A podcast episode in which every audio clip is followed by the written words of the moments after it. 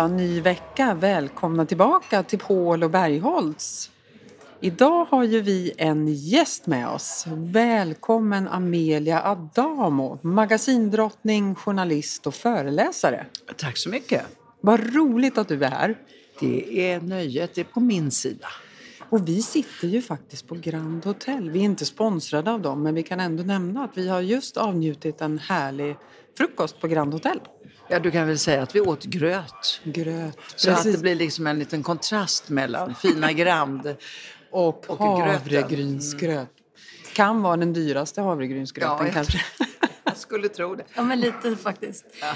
Men eh, Amelia, när vi satt här och åt frukost så pratade vi lite om eh, din bok som släpptes i våras, mm. Kvinnoarvet. Och jag tyckte att det var lite kul med tanke på att vi förra veckan pratade om just det här att jag, jag tycker att man borde införa lite performance-system hemma i familjerna för, för, att underlätta det här med hur vi ska räkna pension och lite så. Mm. Då tänkte jag så här, jag måste fråga dig lite kring den boken. Vad var, vad var varför, jag, varför, kände du behovet av att skriva den? Alltså jag kände egentligen inget behov utan jag var tillfrågad och mm. jag hade ingen lust att skriva några memoarer. Dels för att jag tycker att jag kommer ihåg dåligt och dels för att jag tycker memoarer alltså får ett drag av skryt. Någon annan får skriva om mig en vacker dag om det behövs.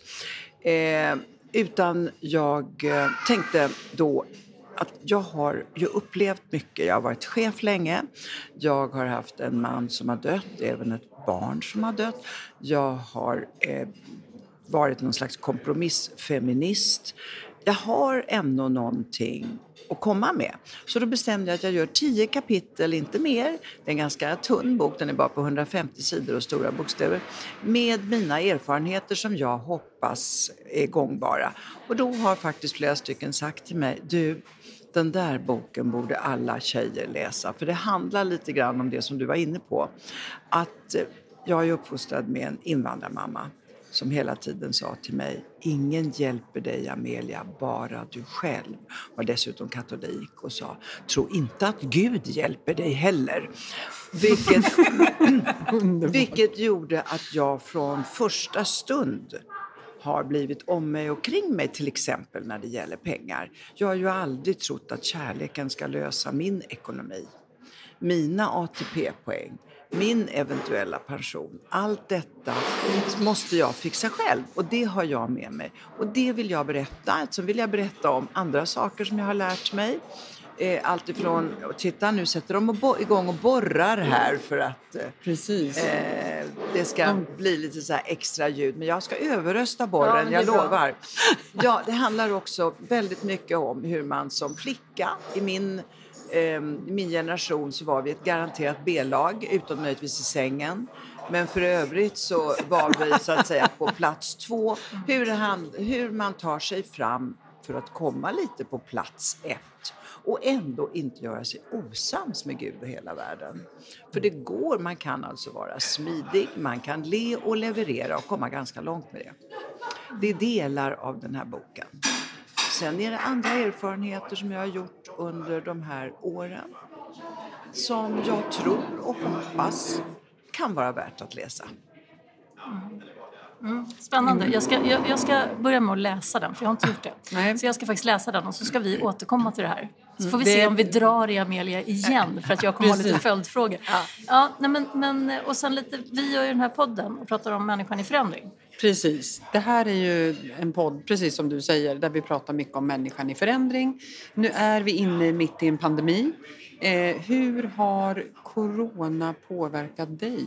Alltså jag tycker att det här är det ett av de värsta åren i mitt liv och ändå har egentligen ingen dött för mig. Nej. Men det är för att det har känts Harmageddon nästan alltså. Och jag är en mycket optimistisk och positiv person. Men det kom så mycket. Det kom då det här viruset. Sen kom det då alla dessa översvämningar och elände. Sen jättefokus på den gängkriminaliteten. Det har varit så mycket dystert så man som enskild person får verkligen jobba för att vara glad och ändå ge sina barnbarn i mitt fall en känsla av att framtiden är ljus. Den väntar runt hörnet. Det kan jag tycka har varit tungt. Vad gäller mig personligen så har jag kämpat emot att isolera mig. Jag har kämpat emot att vara en instängd 70-åring. Jag har tvättat händerna förstås och jag har hållit avstånd. Men jag har pussat och hämtat mina barnbarn i skolan. Jag har inte dansat kanske, men jag har träffat vänner. Så att jag kan säga att mitt personliga liv har jag sett till att fylla så det ska bli bra. Mitt yrkesmässiga liv, som egentligen inte är mycket att bråka om för jag är ju 73 och är egentligen en pensionär. Så behöver, jag behöver inte sitta och fundera på om jag ska få ihop till hyran. Men jag har ju jobbat, för det har ju varit min guldkant. Plus att jag har jobbat i hela mitt liv, det är där jag har fått en bekräftelse. Det är där jag kanske trivs allra mest ändå. Och där finns ingenting. Där kan man säga att det är utraderat allting som hade med föreläsningar och moderators uppdrag. Det som däremot finns är att jag fortfarande kan skriva. Jag gör artiklar åt tidningen M där jag en gång var chef. De vill ha mig kvar uh, i någon form och det har varit en fantastisk glugg till något slags yrkesverksamt liv där man vet att det är måndag och kanske inte... Uh, hela veckan är ju måndag för mig, mm. jag säga, eller söndag. Uh, jag tycker, men mest så kan jag känna att coronan har inte direkt gjort mig rädd, men kanske dyster. Så man måste, man måste hitta på roliga saker. Mm. Man måste göra andra saker. Har man råd kan man ju gå på spa eller göra någonting som bryter av så att man på något sätt lyfter på den här tunga kepsen som har lagt över oss. Där jag också tycker att mitt skrå, media, verkligen har dragit sitt strå till stacken för att skrämma upp oss så mycket som möjligt. För sen om man då ändå gör någon slags riskbedömning så är ju risken att en frisk människa ska bli ordentligt sjuk, ganska, för att inte säga mikroskopiskt liten. Mm. Och då så känner jag att med de här oavbrutna rekommendationerna till, vad heter han, Löfven, nu är det slutdansat. Man kan väl säga det på ett annat sätt. Mm. Eh, sättet hur de förmedlar de, det som sker är också... Och varför får man inte reda på eh, hur många blir sjuka av smitta nu i den här andra vågen? Är det en snällare smitta? Då säger de, det vet vi inte. Tack och lov så vill man ju inte vara en som belastar IVA. Är det någonting man kände så var det att man måste vara solidarisk med vården. Man vill ju inte att de ska stå där igen med det här tunga jobbet för att vi är oförsiktiga. Så där finns ju någon slags Gräns. gränsen mm. då och eh, en känsla av eh, att man måste vara ändå lite försiktig och solidarisk. Men jag är inte försiktig på det viset att jag inte till exempel åker buss eller tunnelbana. Men jag håller ju inte på och kramar okända människor. Och eh, jag tycker att jag har ett visst avstånd. Jag var, har varit i Italien i september. Det gick också bra. Det var munskydd utom på stranden och eh, inte på gatorna så ofta heller. Och det är ju, kan man säga att just då är man ju väldigt glad över att man bor i Sverige. För det är ett elände upp och ner med det där ja, mm. Jag tycker det är spännande att sitta med dig för du är en, en förebild tycker jag och har drivit till förändring. Inte minst när det kommer till, jag tänker att du, det borde vara så att du har en del tankar kring vad du hoppas har kunnat, liksom, hur du har bidragit till förändring i kvinnor i affärslivet till exempel? Nej, jag tror, de vet jag inte. Kanske. Igår eh, kom jag ut från en, en restaurang och då kom det en ung flicka fram till mig och sa får jag ta en bild med dig? Då blev jag väldigt glad förstås. Eh, fast det regnade tog vi den där bilden. Och, eh, hon sa då att eh, hon är min förebild. Och då, jag brukar fråga sådär, varför då? För jag inte, förstår inte riktigt. Och då sa hon så här, ja men du verkar så tuff och du, eh, du verkar som du gör det du vill. Ja, och det kan man väl säga då, att då är jag ju väldigt glad om jag nu är, är en förebild att visa yngre framför allt att de duger. De är duktiga. Ta plats. Backa inte. Där hoppas jag att jag kanske har gjort Sen är en annan sak som jag har hållit på i många, många år och tjatat om och det är ju det här med ekonomin. Att en kvinna kan inte vara fri om man inte har en egen ekonomi. Man måste skaffa sig en egen ekonomi. Och sen hoppas jag då också att jag har kunnat banka in lite självkänsla hos tjejer. Jag kan bli arg över att de inte själva ser vilket värde de har. Och jag tycker att det har blivit eh, både bättre och sämre. Bättre på några sätt och kanske sämre på andra sätt. Jag tycker att tjejerna idag är så hotade. De är hotade av den här unga, våldsamma maskuliniteten.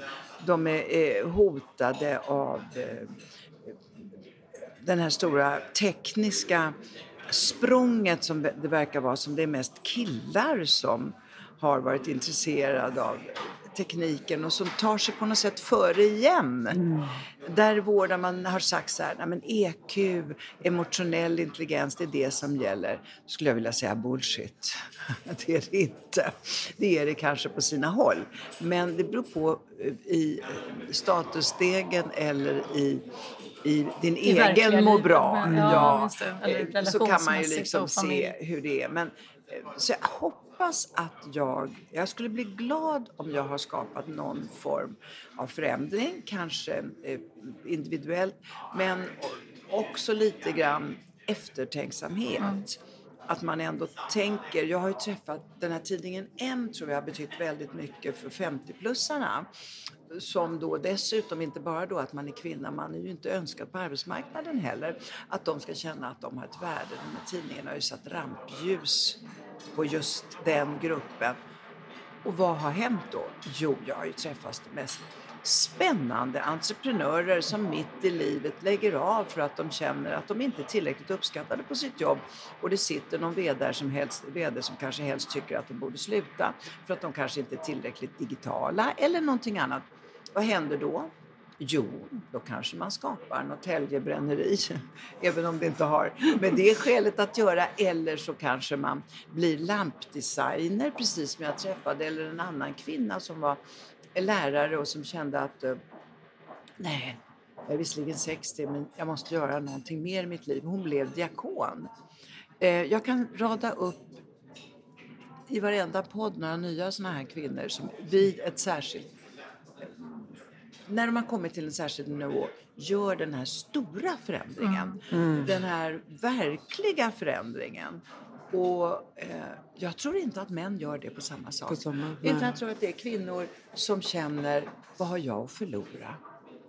Nu och kanske har stått tillbaka. Mm. Ja. Och kanske är tillräckligt där... mycket självförtroende mm. vid den åldern ja. för att inte stå tillbaka. Nej. Och det kan jag se. Jag kan se liksom en, en rörelse bland 50-plussarnas kvinnor som är så positiv. Och så kan jag se motsatsen bland de yngre. yngre. Mm. Det där är ju ett ämne vi brinner väldigt mycket för och pratat om i den här podden. Just åldersdiskriminering. Mm. Vi ser den ju på ganska nära håll eftersom ja. vi jobbar med det vi gör. Eh, men det är ju ett helt annat avsnitt. Jag tänker att du får komma tillbaka Amelia och så tar vi temat åldersdiskriminering. Mm. För det är väldigt ja. intressant. Ja, och, det, och, och, här kan vi bara ta en kort grej med coronan mm. som jag inte kom in på. Coronan med den här 70 plus-regeln var en riktig backlash.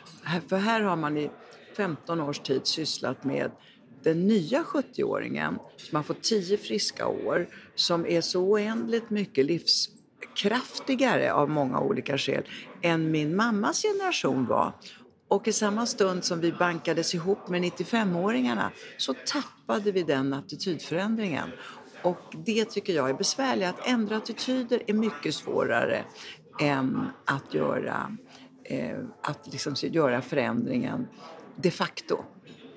Och eh, om vi ska bli betraktade som en bra och rolig arbetskraft att ha på jobbet så kan vi ju inte bli betraktade som sköra. Och vi är inte sköra. Vi är inte, alltså det är en väldig skillnad mellan att vara 70 och 105. Och då tyckte jag just apropå åldersdiskriminering och corona att det här var inte bra, även om det fanns en ambition att skydda oss. Mm. Ja, men då, jag tänker så här, herregud, hur mycket har förändrats de senaste 20 åren? Vi kan ju idag kanske bli 125 dessutom. Ja, i alla fall Väldigt kanske många. 110. Ja, mm. precis. Och mm. då blir ju 50, det är ju ja. knappast någon ålder, va? Inte 70 heller. Nej. Nej, Nej. Så det, jag tänker att vi har lite att göra också i att ändra uppfattning när det ja. kommer till arbetslivet relaterat mm. till faktiskt den medicinska och ja. liksom läkemedel, alltså, ja. medicinska forskningen och den utvecklingen som sker. Eh, ja, vi ska, vi ska ta och avrunda. Vi ska ta och avrunda. Stort, stort tack för att du kom hit, Amelia. Det var inte svårt. Nej, härligt. Ha en skön vecka nu allihopa. Tack, Emil, äh, Amelia, och tack.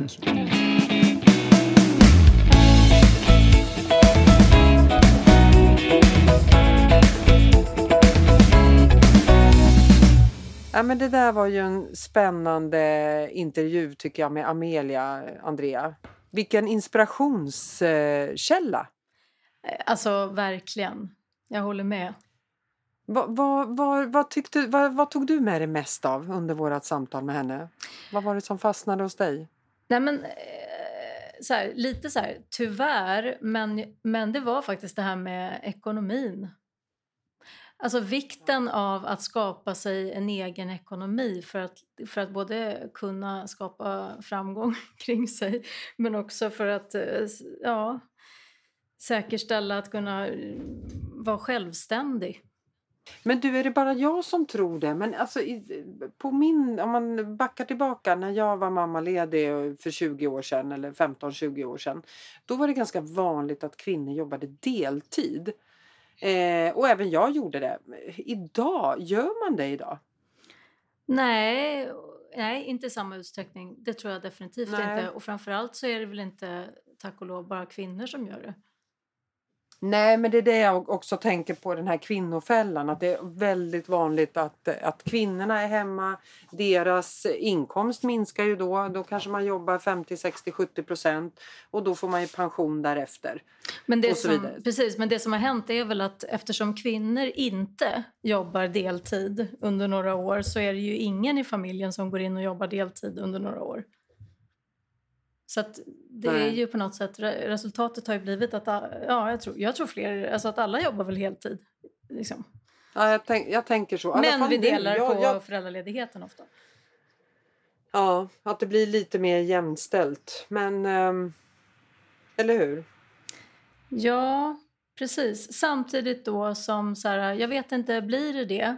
För att jag tänker att problemet är ju att allt jobb ändå ska göras. Alltså både hemarbetet och eh, på jobbet. Ja, ja. Och, och problemet idag är att människor inte orkar både och. Så att eh, om, om man ska lyssna på hur det ofta är, så där som man fortfarande säger att det är, så är det ju i många hem många kvinnor som tar mer ansvar för, för eh, barnens grejer till exempel i skolan och sådär. Och, eh, men sen, och sen hemarbetet tror jag många delar i mycket större utsträckning på idag än vad man har gjort förut, alltså för många år sedan. Men, men eh, ja, du säger så här, ja det blir mer jämställt. Men alltså problemet tror jag är att eftersom jobbet ändå är kvar hemma och ingen har gått ner i tid så innebär det ju ändå en ökad stress som nästan blir ännu Absolut. värre. Och det gör ju att... Men då ligger problemet på, hos båda två. Då är det inte liksom, jag tänker så här, om en jobbar deltid och hemma klockan två då, då är det klart att man får göra mycket av jobbet hemma. Men om båda jobbar heltid och har samma förutsättningar då blir det ju i min värld lättare att dela på det. För då är det inte givet att kvinnan ska göra det. För att hon jobbar ju också heltid. Men om någon jobbar deltid så blir det, då får man, förväntar man sig att den personen både handlar och hämtar ungar och vad det nu kan vara. Ja, men det är den menar jag, den förväntan tar ofta kvinnor på sig i större utsträckning ändå. Fast att man ändå jobbar heltid. Ja, jag fattar vad du menar. Det är ju många, det är fler måste väl kvinnor kvinnorna som... stå på. Man får inte sätta sin offerkofta heller. Nej men verkligen. Alltså, verkligen. Man, där måste man ju stå på sig i så fall eh, tänker jag. Att eh, kräva lite mer jämställdhet. Att vi är två som delar på det här och nu är det faktiskt din tur. Ja, men sen tänker jag också på det här som du pratar om, hur fördelningen hemma. Det handlar väl inte om att man måste fördela disken liksom, eller hantering av eh, aktiviteter och barnen 50 procent. Det handlar väl om att fördela en totalbörda. Mm. Där tycker jag många trampar fel också. Att det blir att man håller på och bråkar om vem som... Att man ska göra båda, allting lika mycket. Jag tycker inte det, det är väl inte riktigt det det handlar om. Jag, jag tycker faktiskt lika, lika synd om män idag som jag tycker om kvinnor. Alltså verkligen. Det, det, jag tycker, det är bara det att vi stressas av olika saker. Jag hör fler kvinnor som stressas över att inte hinna med barnen. Jag håller helt med. Men däremot upplever jag en mer jämställdhet när det gäller för många kandidater som man pratar med som, som har eh, flera barn. De, de är ganska snabba på att säga men vi, vi växeldrar så att eh, jag kan jobba sent varannan dag för vi turas om med hämtning och lämning. Och så har man den som lämnar den eh, hämtar inte och så vidare. Och så kör ja precis, ja men absolut. Ja. För att man är lite rädd kanske som kandidat och oj nu ser de på mitt CV, jag har skrivit att jag har tre barn. Oj nu ser de framför sig en person som ska hämta klockan tre varje dag och behöva checka ut från jobbet halv tre. Mm. Men, men jag upplever inte att det är så många som gör det utan man, man absolut man behöver hämta barn och checka ut tidigare men å andra sidan så kan man ta igen den tiden på kvällen. Det är många som gör, kopplar upp sig och jobbar igen de timmarna på, för att det, det måste ju, jobbet måste ju göras. Mm. Så är det ju. Eh, men det behöver kanske inte göras just då utan det kan göras på kvällen och sen eh, den dagen man inte hämtar barn på förskola så kan man jobba längre. Ja, men precis. Men ofta så är det ju så här som jag alltid brukar säga, så här, det som stressar en är, är ju ofta det där som man inte kan, kan ta på. Alltså till exempel skuldkänslor. Det är ju väldigt många kvinnor som är väldigt tunga av massa skuldkänslor åt alla håll. Eh, otillräcklighet liksom. Det tycker jag, och, och det är ju ofta det som driver till utmattning. Och jag tycker skuldkänslor är någonting som kvinnor håller på med väldigt mycket. Och där kan jag tycka, precis som du sa, så här, där har väl kvinnor också någon, någonting att jobba med själva. För det, eh, för det, det genomsyrar ju lön, löneökning och allting. Alltså att man har en benägenhet att gå in i, i skuld och att tycka att man alltid är otillräcklig själv. Det blir väldigt svårt att kräva högre betalt då. Medan... Men det handlar ju väldigt mycket om en själv där. Det, det, det är ju säkert oftast inte den man lever med eller chefen eller något som tycker det utan det är man själv och då har man ju lite att jobba med.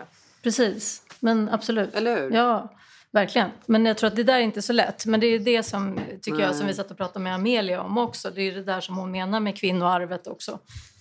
Mm. Som vi Men också hon går pratar ju in också i. Liksom. ekonomi. Mm. Ja, att hon, hennes tidningar har ju präglats av mycket uh, sådana artiklar också. Hur viktigt det är att kvinnor sparar och Mm. eh, ja, både för framtida pension och så vidare. Och så vidare. Mm. Jag, ty- jag tyckte det var jättebra. brinner för. Har du läst Kvinnoarvet? Nej, men jag håller ju på. Jag lovade ju henne. Jag håller ju på nu. Ja, Ja. jag har den boken också. Mm. Eh, så den ska jag ta tag i och läsa. Ehm, nej, men hon, hon är inspirerande på många olika sätt. Och, och jag har ju haft henne som föreläsare ett par gånger på, på Insight Competence där hon har pratat också om, eh, hon pratade inte lika mycket nu om det, men där hon pratar om mod. För hon har ju visat rätt mycket mod genom sin karriär Mm. och brottats i en mansvärld och eh, behövt hävda sig ganska rejält för att ta sig igenom livet på, på Bonnier. Mm. Det är också intressant. Mm.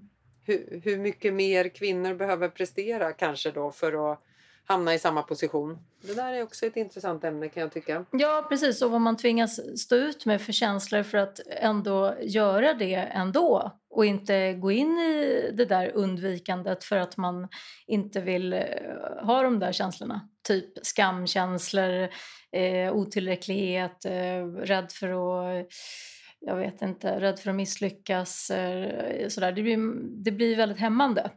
Istället för att se förbi det, om man pratar mod, så handlar det ju på något sätt om att, om att se vad man har att vinna lite mer långsiktigt.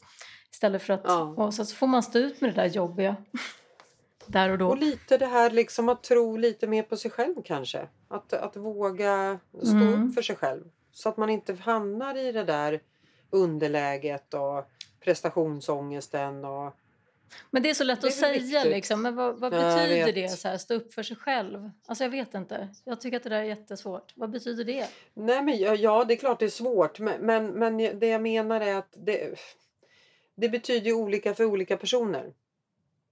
Ja, men om man till exempel pratar manligt och kvinnligt så kan jag tycka så att där många kvinnor har någonting att lära så är det ju så här att mm, många kvinnor är lite så här att man ska göra saker så himla länge och vara så himla duktiga på det för att kunna sälja att man kan det. Medan det är ganska många män, tycker jag, om man får generalisera lite, som, som kan så här, liksom, ha gjort saker i lite mindre utsträckning och ändå kunna stå för att det där är inga problem. Nej, de kommer undan lite lättare menar du? Ja, fast det gör man ju om man formulerar sig på det sättet. Mm. Alltså, det, men om du går in själv i att du är osäker på och, och att, sådär, att du ska ha liksom lyckats med någonting väldigt mycket innan du kan säga att du kan det. Alltså då, då inger ju inte det speciellt mycket trygghet hos en annan person heller. Alltså, istället för att sådär, som Pippi sa, det där har jag aldrig gjort så det går säkert bra. Underbar Ja, inställning. men alltså precis. Jag menar, ja, men lite så. Där tror jag att man har lite Hur ska vi få i lite mera Pippi i dagens kvinnor då? Det är ju, det är ju en utmaning. Alla behöver få i sig lite mer Pippi Långstrump i sig. Ja, och då tänker jag att ja, men till, man måste ju till exempel våga göra lite annorlunda några gånger tills belöningen infinner sig. För belöningen kommer inte bara för att du gör lite annorlunda. Det, det, den, att du gör lite annorlunda, då infinner sig oftast istället lite obehag. Och ganska mycket osäkerhet i att man har gjort annorlunda. Men då får man liksom lite grann stå ut med det där. Och så får man så här, upp, upprepa för sig själv. Vad är det jag håller på med här egentligen? Jo, just det, jag håller på med mod och att jag ska vidare och att jag ska göra på ett nytt sätt. Ja, just det. Eh, Mm. Och sen, sen så kommer det ju oftast lite belöning på att man har gjort annorlunda. Och då börjar det bli lite härligt istället.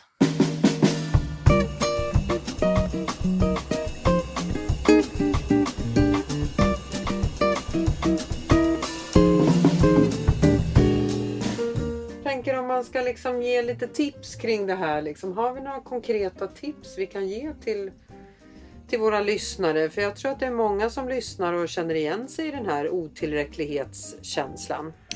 Mitt bästa tips är då att fånga upp den där självkritiska tanken eh, som ifrågasätter om man är tillräckligt bra eller om man har gjort eller om man kan. Och sen så funderar man lite på alternativa tankar och liksom tittar lite utifrån hur andra förhåller sig och hur kan man också tänka och hur kan man också... Och så går man in i det istället lite mer. Det är mitt tips. Mm. Jag gillar ju det här good is enough liksom. Det, det, Mm. att man inte behöver högprestera i allt. Nej. Man behöver inte vara perfekt hemma. Man behöver inte vara bäst på jobbet. Man behöver inte vara träna mest av alla. Alltså, good is enough. Verkligen. Och vet du att det som är bra med att tänka så det är att det, jag tror att det är enda sättet att nå lite tillräcklighet. Ja. Hur, hur menar du då? Att, eh, Ja men alltså det är jättemånga jag träffar idag som är jätteduktiga och så men som aldrig når nöjdhet. nej, de kommer inte ens dit. Nej men nöjdhet, vadå hur ofta sitter du och är nöjd? Mm. Eller? Är du det? Nej, men jag går inte runt och är inte nöjd eh, 24 timmar om dygnet heller. Jag försöker nog liksom eh, säga till mig själv ibland. Alltså det, jag lyckas inte alltid med allting och jag, man känner sig inte alltid som världens bästa mamma med världens bästa chef eller världens bästa, me, bästa medarbetare. Men lite så här, ja, jag gör så gott jag kan och alla runt omkring kan inte vara nöjda hela tiden med vad jag gör. Nej men precis, men är du nöjd, alltså kan du, känner du dig då mestadels nöjd själv? Jag, jag känner mig mer nöjd än att gå runt och känna mig missnöjd hela dagen. Ja men det, är, jag. ja, men det är ju bra. Men för att jag bara menar att, att, att det, det är svårigheten för många är ju att känna sig nöjda. Och det, Ja. det gör ju att man håller på och överpresterar. Eller att man liksom gör för mycket av olika saker som gör att man inte eh, känner sig nöjd med att bara vara.